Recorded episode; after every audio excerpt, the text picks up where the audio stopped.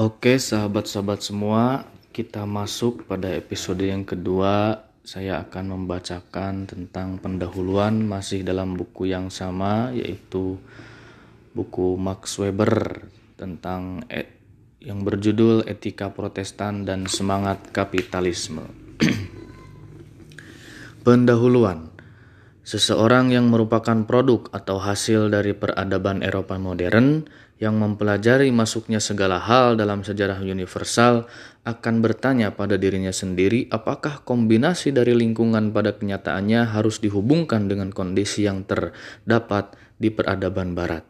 Dan hanya dalam peradaban barat fenomena kultural telah muncul yang ingin kita pikirkan yang terletak dalam hubungannya dengan perkembangan yang memiliki nilai dan signifikansi universal. Hanya di baratlah ilmu pengetahuan ada dalam tingkat yang terus-menerus berkembang, yang saat ini kita kenal sebagai sesuatu yang valid. Pengetahuan empiris, refleksi permasalahan dari kosmos dan kehidupan, kebijaksanaan-kebijaksanaan filsafat, dan teori logika dan teori logi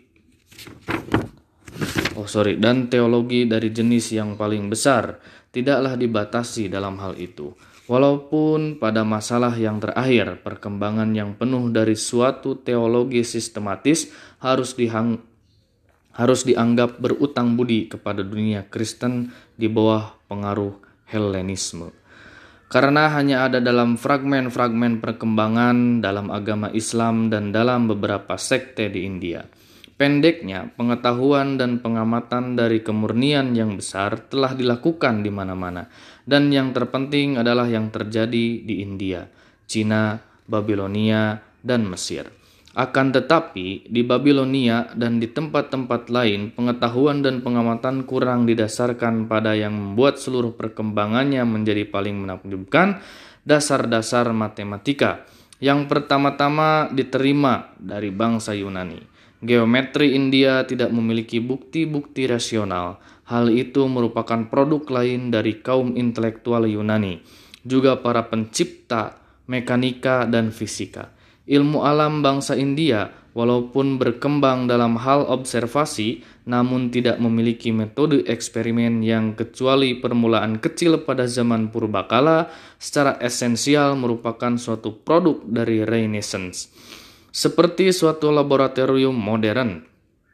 Oleh karena itu, obat-obatan, khususnya di India, meskipun hanya dikembangkan dalam hal teknik-teknik empirik, tidak mendasarkan pada dasar-dasar biologi dan biokimia. Ilmu kimia rasional belum pernah ada pada semua bidang kebudayaan kecuali di barat. Keilmuan historis yang berkembang pesta di Cina tidak mempunyai metode Thucydides Thucydides. Thucydides.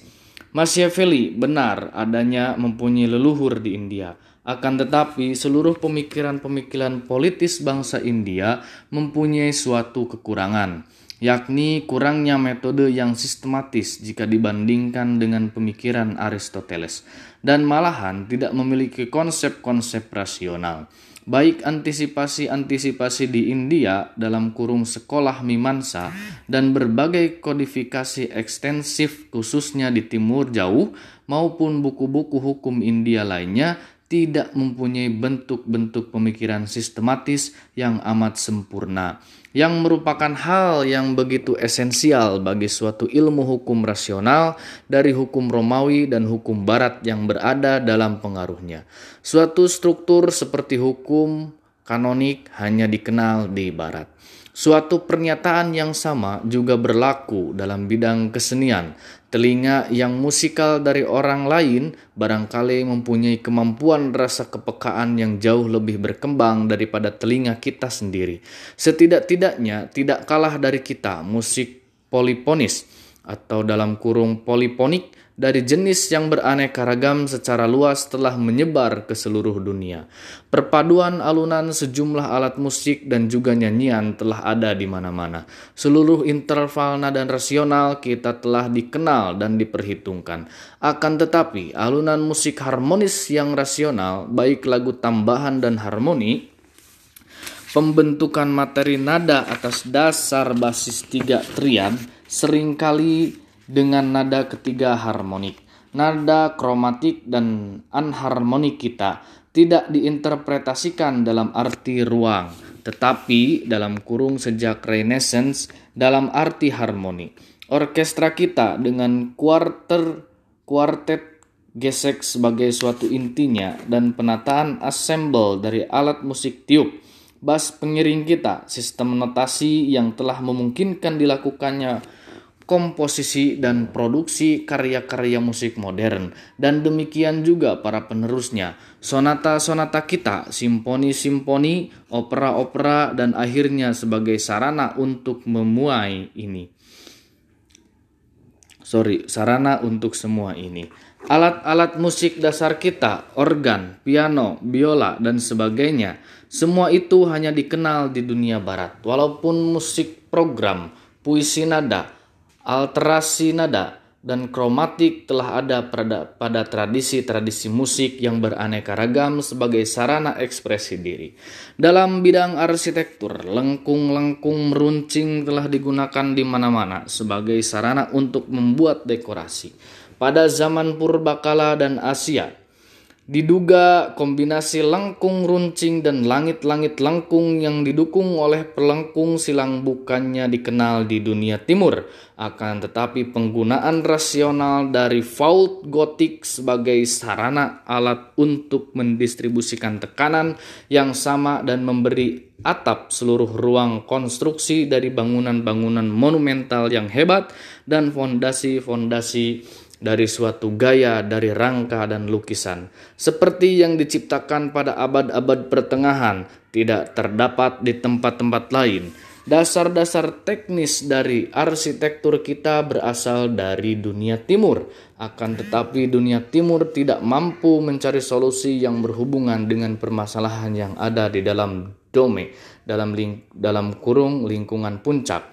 Dan jelas dari rasionalisasi klasik dari seluruh bidang seni di dalam lukisan dengan menggunakan garis yang rasional dan perspektif ruang yang telah diciptakan Renaissance bagi kita. Percetakan terdapat di Cina, akan tetapi suatu literatur tercetak yang hanya didesain untuk dicetak dan hanya dimungkinkan melalui cara demikian dan yang terutama pers dan majalah-majalah hanya muncul di dunia barat. Institusi-institusi pendidikan tinggi dari seluruh jenis yang mungkin bisa diselenggarakan, bahkan lembaga-lembaga yang tampak keluarnya mirip dengan universitas kita atau setidak-tidaknya seperti akademi telah pula ada di Cina dan Islam, tetapi suatu pencarian ilmu pengetahuan yang rasional, sistematis, dan spesialis dengan personel terlatih dan spesialis hanya terdapat di dunia barat dalam pengertian semuanya mendekati kedudukan-kedudukan yang dominan sekarang ini dalam kebudayaan kita.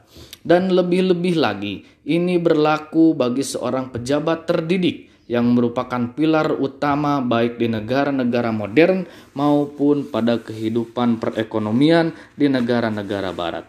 Dia membentuk suatu jenis yang sejauh ini hanya berupa saran-saran yang sedikit pun tidak pernah mendekati kedudukan pentingnya seperti ini bagian suatu tatanan sosial.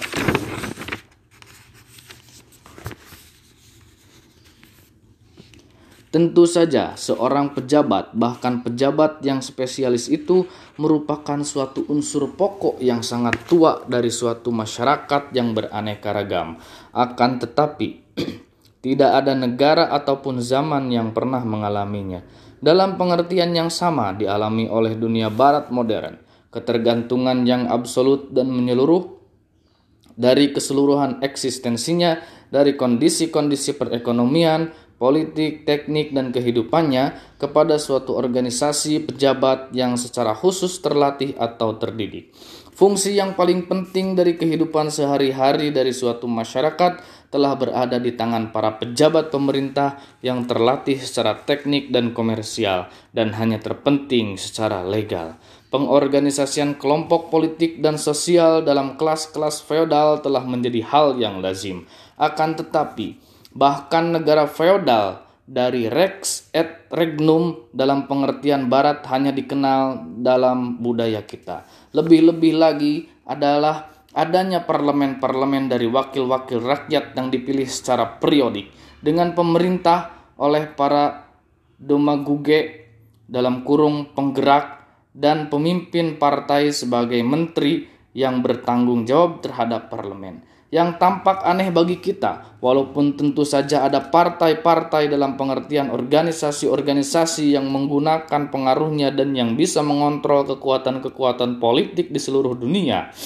Sebenarnya, negara itu sendiri dalam pengertian asosiasi politik dengan suatu konstitusi tertulis yang rasional, dengan hukum yang secara kodrat rasional, dan dengan suatu administrasi yang terikat dengan peraturan dan hukum-hukum rasional yang ditangani oleh para pejabat terdidik yang dikenal dalam kombinasi karakteristik ini hanya terdapat di dunia barat, walaupun pihak-pihak lain sudah mendekati bentuk-bentuk ini.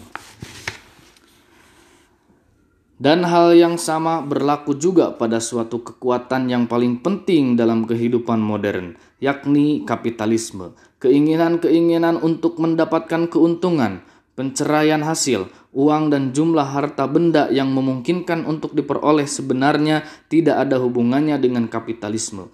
Keinginan-keinginan tersebut ada dan telah ada di antara para pelayan restoran, dokter, kusir kereta, seniman, pelacur, pejabat korup, tentara, bangsawan, orang-orang yang terlibat dalam perang salib, pencuri dan para pengemis, Seseorang bisa mengatakan bahwa keinginan ini telah menjadi hal yang biasa pada seluruh jenis dan kondisi manusia di sepanjang masa dan di seluruh negeri di bumi ini. Di mana saja kemungkinan objektif dari keinginan-keinginan itu diberikan atau telah diberikan. Hal itu pasti telah diajarkan di TK dalam pelajaran sejarah budaya yaitu bahwa ide-ide naif dari kapitalisme harus dihentikan segera dan untuk semuanya. Sikap rakus yang tidak terbatas karena belum memperoleh keuntungan tidaklah identik sedikit pun dengan kapitalisme dan malahan dan malahan bukanlah semangatnya. Kapitalisme bahkan mungkin identik dengan pengendalian atau pengekangan atau setidak-tidaknya identik dengan suatu watak rasional dari suatu keinginan-keinginan yang rasional juga. Akan tetapi, kapitalisme secara pasti identik dengan pencarian keuntungan atau profit dan keuntungan yang dapat diperbaharui untuk selamanya dengan usaha-usaha kapitalistis yang rasional yang dilakukan secara terus-menerus. Karena memang demikian seharusnya dalam suatu tatanan masyarakat kapitalistis secara keseluruhan. Suatu usaha kapitalistis individual yang tidak memanfaatkan kesempatan yang ada untuk mengambil keuntungan pasti akan mengalami malapetaka, yaitu kehancuran. Marilah sekarang kita memberi definisi istilah-istilah yang kita gunakan di sini dengan lebih hati-hati daripada apa yang secara umum telah dilakukan kita mendefinisikan suatu tindakan ekonomi kapitalistis sebagai suatu tindakan yang didasarkan pada harapan-harapan untuk memperoleh keuntungan dengan memanfaatkan sebagai dengan memanfaatkan segala kesempatan untuk transaksi, yaitu pada secara formal, kesempatan untuk memperoleh keuntungan secara damai, perolehan keuntungan dengan kekuatan dalam kurung secara resmi garis miring formal dan sebenarnya kurung mengikuti hukum-hukum khusus dan itu bukanlah hal yang bijaksana. Seberapapun kecilnya seseorang bisa melarang hal itu untuk menempatkannya dalam kategori yang sama dengan suatu tindakan sampai sekarang dalam setiap bentuk perusahaan kapitalistis. Ketika terdapat kondisi-kondisi yang tidak menuntut ke keakuratan yang sempurna, akan tetapi itu semua merupakan suatu hal yang hanya mempengaruhi tingkat rasionalitas dari perolehan kapitalistis. Oke, sobat sekalian, sampai di sini dulu. Ini baru pendahuluan ya. Pendahuluan juga belum selesai. Tadi kita baca dari halaman 27 sampai dengan uh, 34. 34 sedikit ke 37. karena garis apa garis barunya ada di 37 saya berhenti di garis baru 37 mudah-mudahan bermanfaat. Kita lanjutkan lagi di lain waktu. Terima kasih. Wallahu muwaffiqil Assalamualaikum warahmatullahi wabarakatuh